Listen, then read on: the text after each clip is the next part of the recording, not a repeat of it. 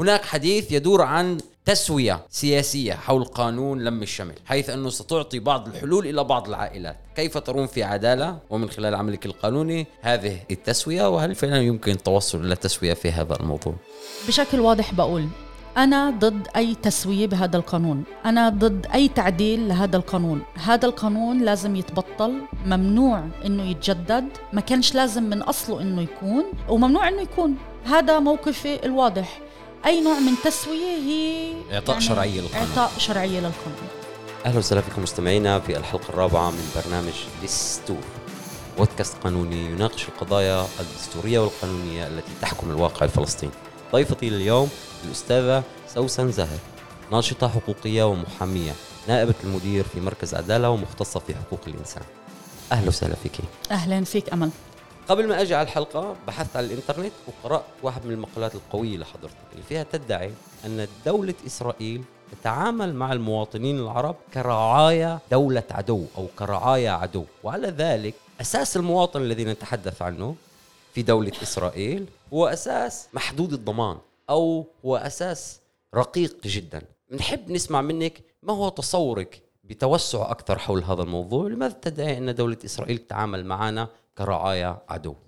إيه، صحيح إنه البحث تبعي بهذا المقال اللي هو عمليا مقال مصغر لمقال بحث كتير أكبر اللي انتشر نتج عن قضايا عدة قضايا اللي اشتغلت عليها بخلال سنين بمركز عدالة اللي فيها كمان تسالت نفس السؤال اللي أنت سألته إنه من أي منطلق إحنا بنحكي قاعدين على إنه الفلسطينيين إيه، إيه، بمنظور القضاء الإسرائيلي هن عدو؟ آه، طبعا آه، يعني الواحد عشان يقدر يجاوب على هيك سؤال بده يرجع للقوانين وبالأساس للقوانين الأولى اللي سنت آه، من بعد إقامة دولة إسرائيل بعد النكبة. بالأساس قضايا بتتعلق بالأراضي بالأساس قضايا بتتعلق بالمواطنة. ويشوف الواحد من غاد شو المنظور تجاه الفلسطينية بكيف عمليا القانون تعامل ونظر فيهن إنه هل نظر تجاههن من الأول. كمواطنين متساويين ولا كانت في نظرة أخرى؟ وبالفعل بنشوفه هذا طبعا إشي اللي هو مش جديد لأنه كلياتنا بنقول إنه الدولة بتطلع علينا كعدو بس لما بتطلع قاعد على القوانين وعلى نص القوانين بتفهم إنه هذا في له عمليا أساس بالقوانين الرئيسية المهمة الأولى اللي سنت بأوائل سنوات الخمسينات بعد إقامة دولة إسرائيل نتحدث عن القوانين المؤسسة قوانين القوانين المؤسسة بالضبط. مش بس إنه عم نحكي قاعدين على قانون العودة لليهود اللي هو هذا طبعا يعني بيعمل إقصاء للاجئين بيعمل إقصاء لإعطاء مواطنه للفلسطينيين وإنما كمان على مثلا قانون أملاك اللاجئين أو قانون المواطنة. المفهوم الأساسي بهدول القانونين بالأساس هو إنه اللي له حق. إنه آه، آه، يرجع أملاكه واللي له حق إنه ياخذ مواطنة هو كل شخص اللي هو لم يعرف عليه كعدو واللي تعرف عليه كعدو هن عمليا اللاجئين أو أي شخص اللي ما كانش موجود بالأرض اللي آه، عمليا صارت دولة إسرائيل بعد ال 48 بالفترة اللي هي من شهر 11 1947 لحد شهر 5 1948 كلياتنا بنعرف إنه ترجمة هاي الصيغة هي بتقول إنه عمليا كل الفلسطينيه اللي طلعوا نزحوا ما قدروش يبقوا صاروا لاجئين مش مهم من أي سبب. هن عمليا يعتبروا عدو بالتالي ما فيش إلهن ولا أي حق على أملاكن اللي بقيت هون وبالتالي ما فيش إلهن ولا أي حق إنه يصيروا مواطنين. إسا ليش هدول القانونين هن بالذات أو هاي القوانين اللي هي بتتعلق بالمواطنة وبالأراضي هي أهم قوانين مؤسسة؟ لأنه الدولة وظيفتها تحفظ الملكية وتحفظ مش بس الحرية. هيك مش بس هيك لأنه بدونها بيكونش في عندك دولة إسرائيل كدولة الشعب اليهودي. أنت بحاجة لأرض عشان يكون عندك دولة. وبهذا بهذا المفهوم كان في تحديد لمين بيقدر عمليا إنه آه، يسترجع أملاكه. ومن ناحية ثانية آه، دولة الشعب اليهودي فأنت بدك أغلبية يهودية. فالقانون اجى قرر مين يسمح له إنه يضل ويكون مواطني لأنه بحاجة إنه يكون في أغلبية وبحاجة إنه يكون في أقلية. وبهاي الطريقة عمليا صار في وضعية اللي آه، تم منع أغلبية الفلسطينيين كمان يرجعوا ياخذوا أملاكهم وكمان ما ياخذوش مواطنة. وبهذا بهذا الطريقة قدروا يحطوا أهم أساسين إقامة الدولة عن طريق قوانين الأراضي وقوانين المواطنة لكن هاي القوانين هي مش قوانين اللي هي واقفة لحالها لأنه في عندك كل القوانين اللي هي بتقول إنه اللي هي مثلا أنظمة الطوارئ اللي هي لحد اليوم سارية المفعول اللي هي بتأثر علينا كلياتنا. دولة إسرائيل ولا مرة خرجت من إيه، قوانين الطوارئ؟ إيه، طبعا لا لأنه في إيه، يعني ال ال الإعلان عن حالة طوارئ موجود من ال 48 لحد اليوم. هذا نقاش على إعلان حالة الطوارئ. على فكرة وحالة كان الطوارئ تعزز من اعتبار العرب كأعداء. طبعا بعطيك مثال لما أنظمة الطوارئ بتقول إنه ممنوع أي شخص يطلع لدول عدو والدول العدو هي معرفة حسب القانون. كدول عربية. هذا بيقول إنه العرب ممنوع يطلعوا على دول عربية. ممنوع يزوروا أقربائهم ممنوع يكون في كمان أنظمة الطوارئ بتقول إنه ممنوع يكون في علاقات اقتصادية بين المواطنين هون وبين مواطنين العدو. السؤال مين هو عدو؟ مزبوط اللي عم نحكي قاعدين على لغة وعلى صيغة اللي هي يعني حيادية. بس الترجمة للأرض الواقع هي واضح إنها سارية المفعول على المواطنين العرب حتى يتم عمليا قطعهن بكل الوسائل وبكل المجالات عن علاقاتهن مع الأمة العربية ومع الشعب الفلسطيني ومع اللاجئين يعني اللي, اللي اضطروا إنهن آه، آه، ينزحوا في في خلال النكبة. أنا اللي بفهمه من حديثك إنه من اللحظة الأولى والقوانين التأسيسية لدولة إسرائيل تم اعتبار المواطنين العرب أو من أصبحوا مواطنين العرب كرعايا عدو وهكذا تعامل معها القانون. تم عمليا مش بالضبط هيك تم أكثر تحديد من هو العدو اللي هن أغلب الفلسطينيين. ولكن حسب حسب عمليا ال ال النتيجة تبعت مين هو مش عدو اللي عمليا غدروا انهن يبقوا هون هذا غدر إنه يتقرر إنه هن بيقدروا ياخذوا مواطنة لأنه ما ما سرت عليهن التعريف تبع آه، نفكاد بالعبراني بيقولوا لها اللي هو عمليا غائب. الغائب هو العدو اللي أنت ما بدك تنطيه مواطنة وما بدك ترجعه على أراضيه. بس اللي, اللي لازم هون انوه إنه هاي هذا المفهوم عمليا ساري لحد اليوم موجود معنا لحد اليوم. لأنه أغلب القوانين المهمة إن كانت آه، قانون أساس الكنيسة اللي بحدد تصويت وال الحق بالتصويت والحق, والحق بالترشح. بالضبط والحق في الترشح. بحدد مين بيقدر إنه يترشح.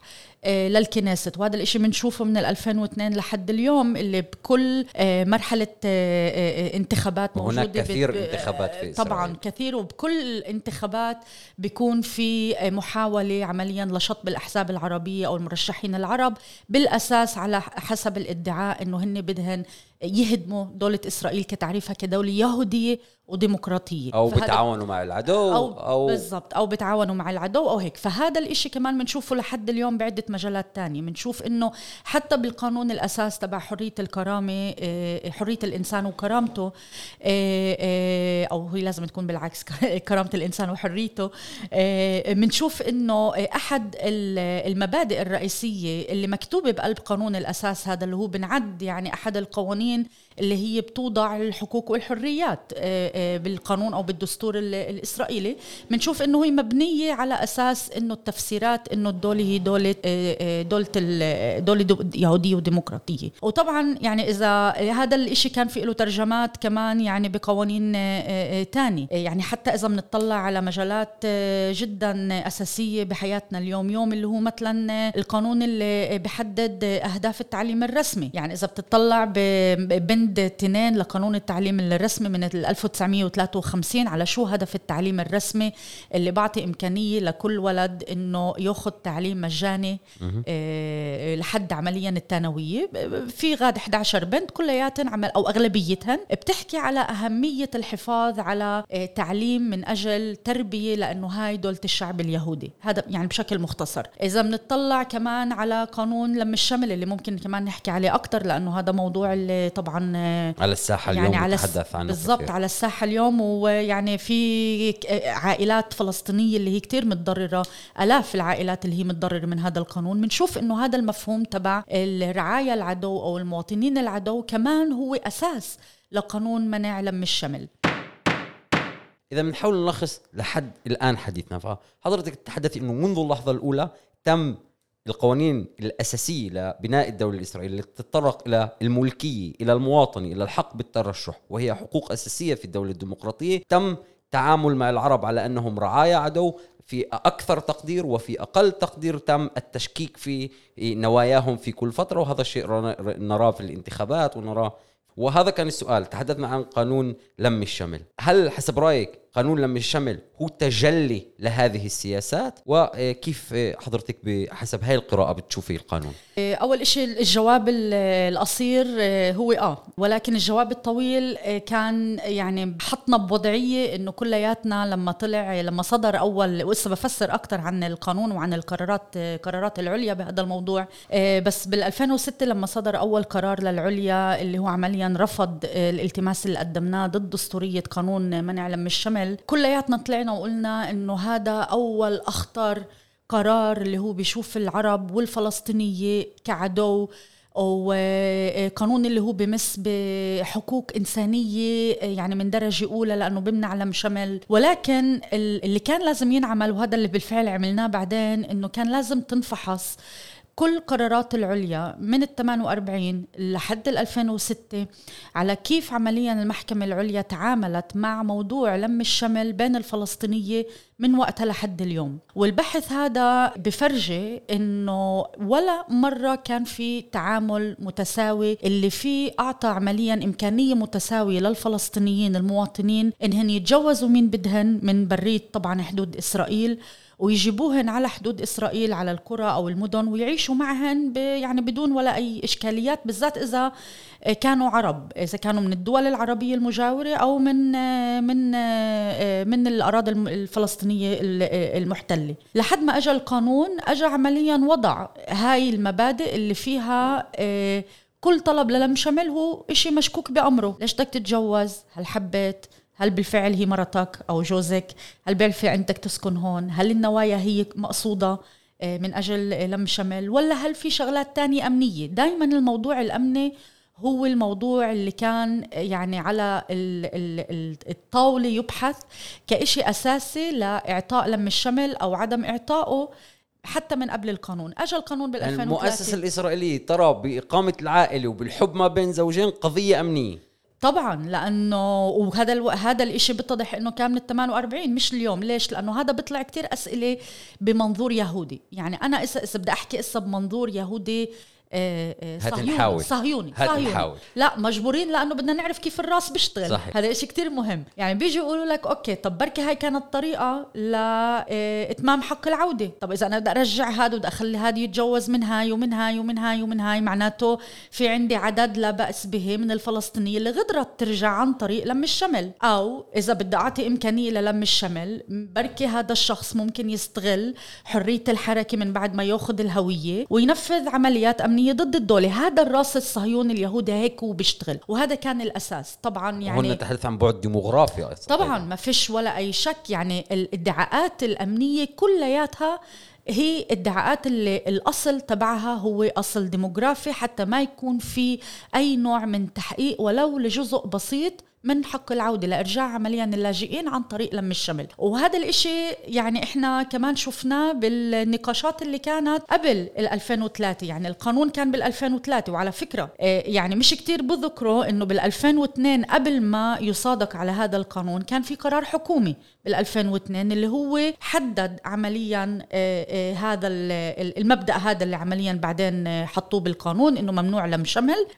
وإحنا في حينه كمان قدمنا التماس ضد هذا القرار آه، شافوا وقتها إنه آه، قرار حكومي اللي بمنع آه، يعني حقوق دستورية أساسية مش رح يمرق. أو بالمعايير تبعت المحكمة العليا فراحوا طوروه لقانون ولكن سموه وقتها قانون مؤقت. المهم أنه ننتبه له أنه بهاي الفترة نفسها كان كانت أيامات الانتفاضة الثانية كانت أيامات اللي فيها الجدار الفصل العنصري. كان في عليه قرار إنه ينبنى وكان جزء منه مبني. فهذا أكثر بحط المركب الديموغرافي كإشي رئيسي بالنقاش لأنه لما في جدار فصل عنصري هذا عمليا بدهن يحطوا الحدود وبدهن كمان يمنعوا عن طريق هذا الجدار دخول من طرق غير طرق لفلسطينية لداخل حدود خط إسرائيل. فاجى كمان قانون منع لم الشمل بهدف إنه يمنع محاولات لم شمل وعمليا الإقامة المؤقتة والثابتة في آه، حدود إسرائيل. واللي لازم كمان ننتبه له إنه بالرغم من الادعاءات الأمنية اللي هي ما فيش لها ولا أي أساس وإسا بذكر لك ليه لأنه كل شيء هون ديموغرافي. لم يتم منع دخول آه، إعطاء رخص للعمل. لم يتم منع دخول لإسرائيل من أجل تلقي علاجات طبية. فهذا بس بيقول إنه من ناحيتين هن بيشوفوا إنه أوكي بدك تفوت يوم يومين بدك تشتغل تمام بس إنك تعيش هون وتربي أولادك علما بإنه نسبة الخلفة آه، أعلى عند الفلسطينية أو عالية أكثر عند الفلسطينية. هذا كان يعني إشي اللي هو موجود على الطاولة حتى لو ما انحكى عنه كتير. ولكن بالنقاشات اللي كانت بالكنيسة بالأيامات هاي اللي كان فيها عم بناقشوا القانون بالقراءة الأولى والثانية والثالثة. طبعا الموضوع الديموغرافي طلع. ولكن تم رفضه إنه بشكل قاطع إنه لا الإدعاءات ومحكمة العدل العليا أيضا لم ترفض رفضت هذا الإدعاء. رفضت لا اولا هذا آه، يعني آه، لم يتم مناقشته. تم طبعا ادعاء إنه في هون أسباب ديموغرافية. ولكن الدولة ادعت إنه الأسباب هي أمنية وما كانت بدها تفوت على أي غايات ديموغرافية لأنها كانت عارفة إنه إذا الغاية ديموغرافية وبتقولها بشكل رسمي رح تخسر الملف كمان طبعا رح تخسر من ناحية آه، دعم دولي. بالذات إنه لما في ادعاءات أمنية صعب الواحد يجي آه، يتدخل بالذات كمحكمة أنا بحكي أو حتى كمجتمع دولي يقول دولي يقول يجي يقولوا يد... نحن بدنا نتدخل بالاعتبارات الأمنية. ما حدا رح يعمل هذا الشيء بس لما الاعتبارات ديموغرافية مبين بيكون مبين إنه الشيء سياسي. فلذلك الدولة اهتمت أو نيابة الدولة اهتمت إنه هذا المركب ما يكونش أساسي بالادعاءات أمام المحكمة وإنما المركب الأمني. آه، بالنسبة للمركب الأمني طبعا يعني لما بدنا نيجي نقول في في أسباب أمنية بدك تسأل ليش؟ بدك تسأل طب شو المعطيات؟ يعني ما ينفعش تيجي تاخذ المصطلح تبع آه، آه، أسباب أمنية وتقول أوكي. وهذا اللي حاولنا نعمله في حين وليش الأسباب الأمنية بس عند العرب؟ ليش يهودي بيقدر يتجوز أي يهودي بالعالم أو أي واحد من العالم ويجيبها لهون ولا بشكل لا يعني ما هو طبعا عشان ال ال ال الوضع ال يعني الخاص ادعوا إنه هذا في له وضعية خاصة ولذلك هذا القانون هو قانون اللي له مصداقية. طبعا ما حدا رح يجي يقول رح نوقف دخول اليهود لأنه هيك هيك عندهم قانون عودي. يعني أي شخص اليوم يهودي اللي بده يتجوز آه، آه، يهودي أو يهودية اللي هن مش مواطنين بيقدروا يعملوا هذا الإشي بكل سهولة إن كان يعني عن طريق قانون المهم نتوقف عند هاي النقطة لأنه أي يهودي بيقدر يتجوز أي يهودية في العالم أو أي يهودية أي يهودي بالعالم. ولكن عربي لا يمكن أن لا يقدر أن يتجوز بحسب قانون لم الشمل من فلسطيني من رام الله اللي جدودها هن من اللد صحيح أو أو من من حيفا أو بالضبط. حتى قرابة نيجي أقول قرابة عائلة بس ممكن العائلات شتتت لا لا ممكن في الثمانية قرابه وممكن ممكن قرابة عائلة لأنه إحنا بنعرف إنه في كتير يعني آه، آه، زواجات من العائلات يعني وهذا إشي إحنا بنعرفه من حياتنا اليومية أو من الاجتماعيات أو من يعني بالآخر إحنا عم نحكي قاعدين على العلاقات اللي هي بقيت بين الفلسطينيه اللي بقيوا هون وصاروا مواطنين وبين اللاجئين إن كانوا موجودين بغزة أو ب أو ب أو بالضفة أو بدول ثانية تحدثنا عن المركب الأمني. هل هذا صحيح؟ بالنسبة للمركب الأمني آه، إحنا طلبنا وقتها معطيات وهي المعطيات عمليا أثبتت ادعاءاتنا أنه ما فيش ولا أي مبرر أمني.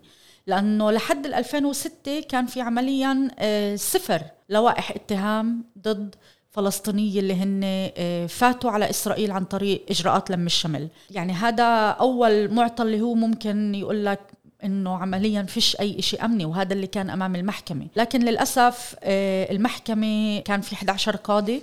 القرار اتخذ بأغلبية آه، ست قضاة آه، قبال خمس قضاة. يعني كان في اختلاف جذري كتير جذري جذري بين القضاة نفسهن. صفت بالآخر على صوت واحد. هون بدي أنوه شغلتين ل... بالنسبة لقرار المحكمة الأول من 2006 هذا القرار هو عمليا فعلا بنعد قرار جدا خطير لأنه القاضي في حينه حاشن أعطى المبرر تبعه على إنه دولة إسرائيل هي دولة اللي عندها استقلالية إنها تيجي تقرر مين الغريب اللي يفوت على حدودها ومين لا. وبالنسبة له كان التفسير إنه أي شخص فلسطيني من الضفة أو من غزة هو عدو لأنه إسرائيل موجودة بوضع آه، حرب بينها وبين الفلسطينية. احتلال قصده يعني كان. احتلال هو حكى على حرب هن ما بيحكوا على احتلال. صحيح. فيش كلمة احتلال ولا مرة طلعت بالقرارات ب... العليا. ولا بالقانون ولكن الإسرائيلي. بيحكوا على الحرب وعلى القانون الدولي الإنساني. طبعا م- اللي هذا بيقول طبعا إنه في احتلال. صحيح. فهو حكى بالمفهوم تبع العدو. وهذا اللي بجيبنا كمان بربطنا مع أول المحادثة الحديث تبعنا إنه آه، كل الفلسطينيه وهذا كان التفسير تبعه كل الفلسطينية مش مهم آه، وين خلقوا آه، شو آه، شو تفكي شو شو عمليا الراي السياسي تبعهم مجرد إنه هن عمليا جايين من الأراضي الفلسطينية. هذا بيقول إنه هن تابعين للعدو. هن من العدو. وحتى لو أجوا مش ممكن إنه آه، الانتماء تبعهن السياسي كمان يتغير. ولذلك إحنا ما بنقدر إنه نثق فيهن نقدرش إنه ننطي الثقه فيهن. طبعا يعني هاي مقولة هي فيها يعني هي اولا خطيرة وفيها إشكالية كمان قانونية وسياسية كتير كبيرة. لأنه إحنا بالأساس آه، أمام المحكمة العليا قلنا إنه الحق الدستوري وعشان هيك إحنا يعني هذا كان أساس الالتماس الحق الدستوري هو للمواطنين للمواطنين الفلسطينيين بدولة إسرائيل أنه يكون عندهم حق بالمساواة أنه يختاروا مين يحبوا ومع مين يعيشوا مين مين يجيبوا أزواجهن لأجل لم الشمل. الحق, الحق في العائلة. الحق في العائلة يعني الحق بالمساواة أمام اليهودي كيف ما حكينا قبل أنه هو بحق له يروح يتجوز أي يهودي تاني من أي دولة تانية حتى لو معوش مواطنة. وإحنا بما إنه بنعرف إنه في كتير من الأحيان بالكرة العربية بتصير زواجات أغلبيتها مع فلسطينية من الضفة ومن غزة. عشان أنطيك مثال صغير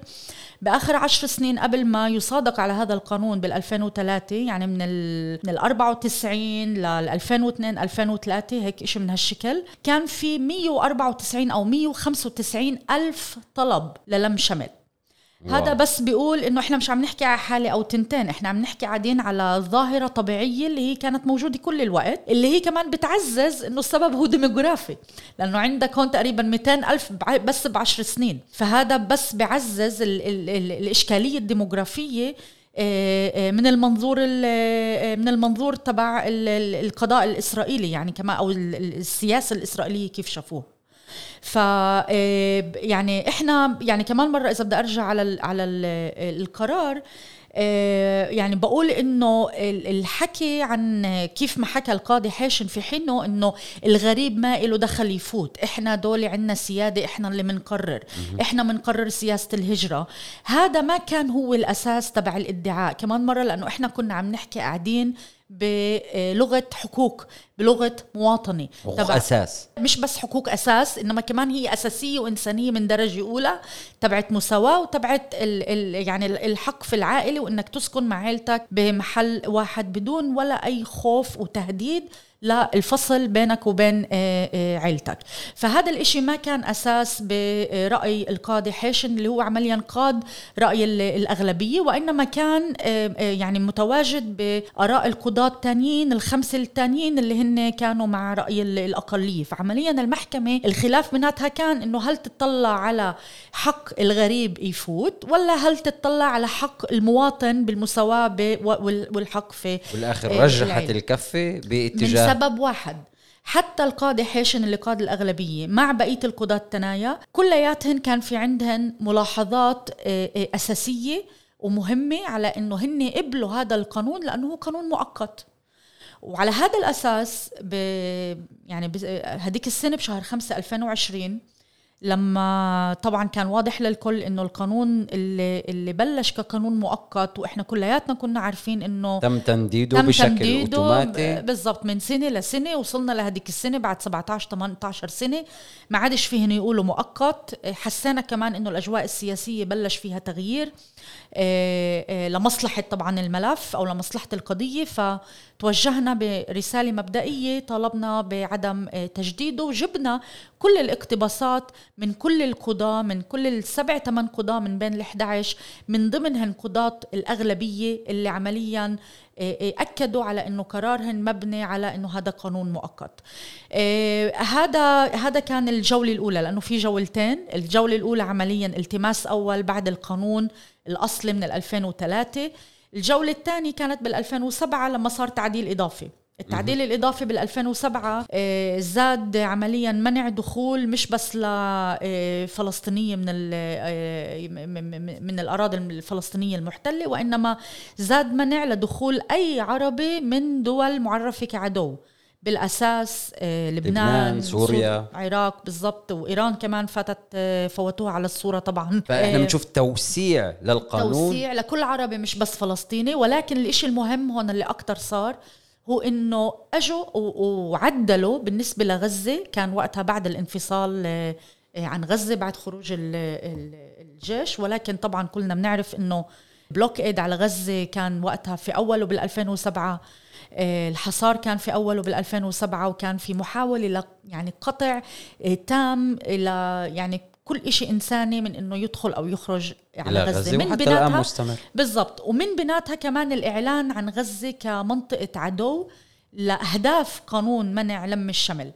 يعني هذا كيف بأثر علينا؟ هذا بيقول إنه عمليا هذا بيؤدي لفصل واضح بين غزة وبين الضفة لأنه آه، بالوقت اللي فيه أعلن بأمر من الحكومة حسب قانون منع لم الشمل بالتعديل من 2007 على أنه غزة هي منطقة عدو من لغاية هذا القانون فبالتالي يتم منع باتا لدخول أي حدا من غزة لأجل آه، آه، لم الشمل بالمقابل بالضفة أحد التعديلات اللي كانت بعد ما قدمنا الالتماس الأول بال 2005 إنه عملوا آه، قضايا إنسانية. يعني قضايا إنسانية هي اولا. وعملوا كمان الاستثناء تبع الجيل. قالوا كل امرأة بعد جيل ال 25 وكل رجل بعد جيل ال 35 فيهن انه يقدموا طلبات للم للم شمل ولكن هذا ما بيقول إنه مش رح يكون فحص أمني. ففي شوية استثناءات طبعا هاي الاستثناءات مش كافية لأنه القاعدة لازم تكون أنه لازم يكون في لم شمل وعليها تعمل استثناءات اللي هي تمنع مش العكس تعمل منع وعليها تعمل استثناءات اللي هي آه، بال 2007 تم تعديل القانون وتوسيعه إلى إلى إلى كل عربي. وهذا الوضع استمر بتمديد القانون بشكل أوتوماتيكي كل كم سنة. بالضبط. ومش بس هيك قدمنا كمان التماس كمان ضد التعديل. اللي كان بال 2007 وكمان هو ارتفض بال 2012 أه ولحد اليوم يعني طبعا آه، إحنا اليوم موجودين بوضعية ثانية اللي في فتحة سياسية آه، آه، اللي هي ممكن إنه تؤدي لإبطال القانون مع إني أنا مش هالقد متفائلة لأنه حتى لو ما كانش في أغلبية ل آه، لانهم يمرقوا التجديد للقانون بالذات إنه بنعرف إنه ايالة شكاد هي وزيرة الداخلية يعني أكيد وصارت عاملة كمان تصريحات على الموضوع أكيد رح تلاقي لها طريقة تانية اللي هي تمنع. بس طبعا كل حل اللي هن رح يوجدوه عشان يحلوا الموضوع من ناحيتهن ويكملوا المنع إحنا طبعا رح ندرسه وهناك خطر نتحدى. أيضا أن يتم توسيع القانون وتثبيته في هذه بالزبط. في هذه المرة فنرى أن هناك طلبات من اليمين الإسرائيلي على توسيع القانون وتثبيته حتى لا يصبح قانون مؤقت إنما قانون ثابت ولا تح... ولا هناك ليس هناك أي حاجة إلى بالضبط. وهذا يعني كمان بلشوا يحكوا عنه هذيك السنة لما كان في هيك يعني فتحة صغيرة تصريحات من قبل وقتها ميراف ميخائيلي في حينه. حزب العمل. آه حزب العمل. آه اللي كمان كان في عندها تساؤلات إنه ليش هذا القانون بعده آه, موجود. وقتها كمان لما ذكرت إنه بعتنا هاي الرسالة المبدئية لأنه حسينا إنه ممكن يكون في تغيير معين حتى لو من ناحية آه، آه، مرافعة أو تحشيد أو إنه نرجع كمان النقاش على الطاولة بعد كم من سنة اللي يعني عمليا ما ما قدرناش إنه نخليه حي. ولكن بس بدي أذكر إنه حتى لو كان في حكي اللي هو كمان بلش هديك السنة على إنه يكون قانون ثابت أستاذ سوسن إذا بدنا نلخص هذا المحور محور قانون إيه لم الشمل. شو بتحبي كيف بتحاولي تلخصي لنا هذا المحور؟ إيه يعني هذا الموضوع هو الموضوع أكثر موضوع اللي هو بيعكس كيف دولة إسرائيل بتشوف الفلسطينية بشكل عام. إيه هو عمليا قرار أو موضوع اللي يعني بترجم آه، شو يعني المفهوم تبع رعاية عدو بالمنظور الإسرائيلي. آه، اللي هو عمليا بيجوا بيقول أنت عدو مهما مش مهم أنا يعني ما بدي أفوت يعني يعني الدولة بتقول عمليا ما بدي أفوت لتفاصيل بكفي إنه الانتماء القومي والإثني تبعك إنه أنت فلسطيني. هذا بقول من ناحيتي إنك أنت عدو. هذا المفهوم هو مفهوم اللي هو آه، مفهوم مواطنة العدو أو رعاية العدو. هو كان ساري مفعوله بالأساس بالحرب العالمية الثانية. آه، كيف عاملوا المواطنين آه، الأمريكان من أصل ياباني آه، بفترة 42 بالذات وقت الهجمة على بيرل هاربر نتيجة لإلها حطوا مئة ألف مواطن أمريكي من أصل ياباني بمخيمات معسكرات اللي هي عمليا سجن. أخذوا ممتلكاتهن. طبعا كان في محاولات لتقييد حريه حريتهن.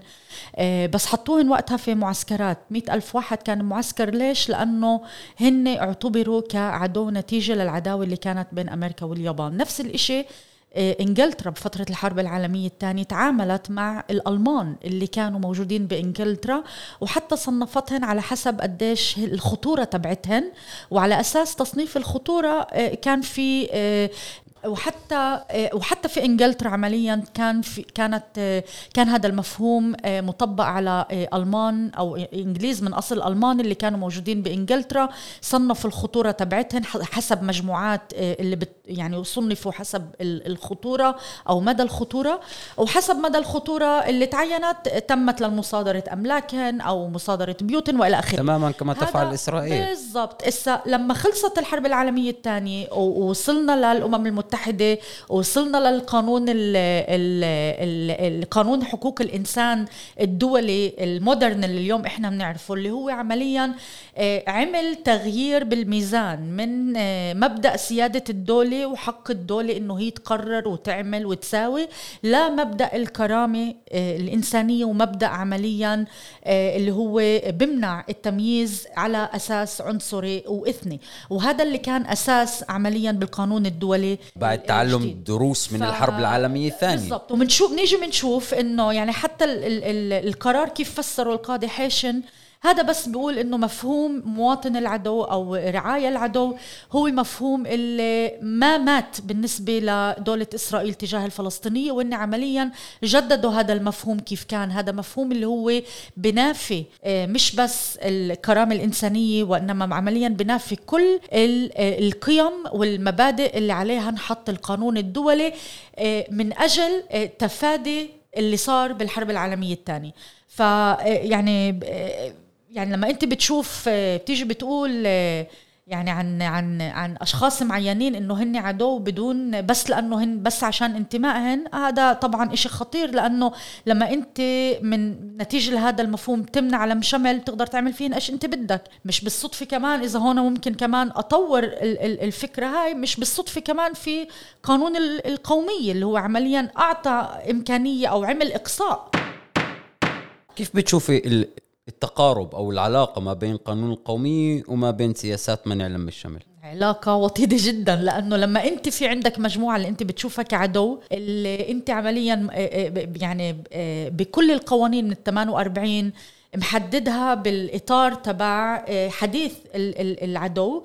حتى لو بشكل يعني بصيغة حيادية ولكن هيك الترجمات لما أنت عندك قانون منع لم الشمل الموضوع هو مش بس الحق في العيلة الموضوع هو كيف أنت بتطلع على هاي المجموعة اللي هي عمليا آه، آه، مجموعة أقلية أقلية وطن homeland minority آه اللي هي يعني بيطلع لها كمان آه يعني حمايات معينة حسب الدولية حسب القانون الدولي. الدولي فلما انت بتيجي من ناحية تانية وبتصادق على قانون الأساس آه، القومية اللي هو بمثابة له له عمليا مكانه دستورية هذا يعني بطريقة اللي انت عمليا بتعمل إقصاء لمواطنة الفلسطينيين ما بتذكر الفلسطينيين ما بتعطي حق تقرير المصير عمليا للفلسطينيين تنطيه بشكل آه، آه، خاص لليهود اليهود فقط ما بتعطي كمان مكانة رسمية للغة بتعطي إمكانية كمان لإقامة إقامة مناطق أو بلدات لليهود فقط. لليهود فقط من هالمستوطنات أو البلدات